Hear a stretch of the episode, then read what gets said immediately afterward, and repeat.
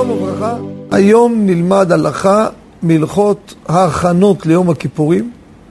כפי שאמרנו, שאין יום הכיפורים מכפר על העבירות שבין אדם לחברו. יש כל כך הרבה סוגים וכל כך הרבה פרטים, ואני רוצה לגוע היום על פרט נוסף, והוא שם יצילנו, חטא הוצאת שם רע. מה זה הוצאת שם רע? זה לא מה שהם קוראים לזה ברחוב החילוני, הוא דיבר עליו רע, לא. זה נקרא לשון הרע, אם זה אמיתי. הוצאת שם רע זה דבר שקרי. המציא עליו דבר. אמר עליו דבר כי חשב שזה היה ככה, בסוף נודע שזה לא היה ככה. נמצא שהוצאת עליו שם רע.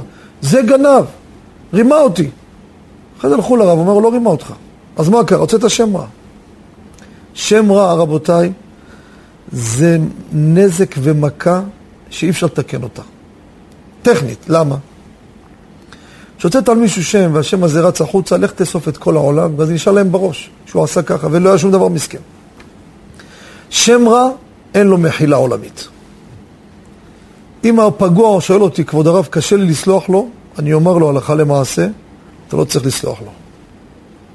אתה רוצה להדר ואתה נפשית יכול, תבוא עליך ברכה. יש לשון ברבותינו הפוסקים ברקנתי, רבותיי, תראו בקיבה מועד, לא רק שלא צריך, הלשון שלו, אין לו למחול לו, אל תמחל לו. זה לשון קשה מאוד. הלכה למעשה, אם הוא רוצה למחול, שימחל, אשריו אשר חלקו. אבל אם הוא שואל מה ההלכה, בכל דבר של פגיעה צריך להתאמץ לסלוח, כן. מי שלא סולח, כשברוך הוא גם לא סולח לו.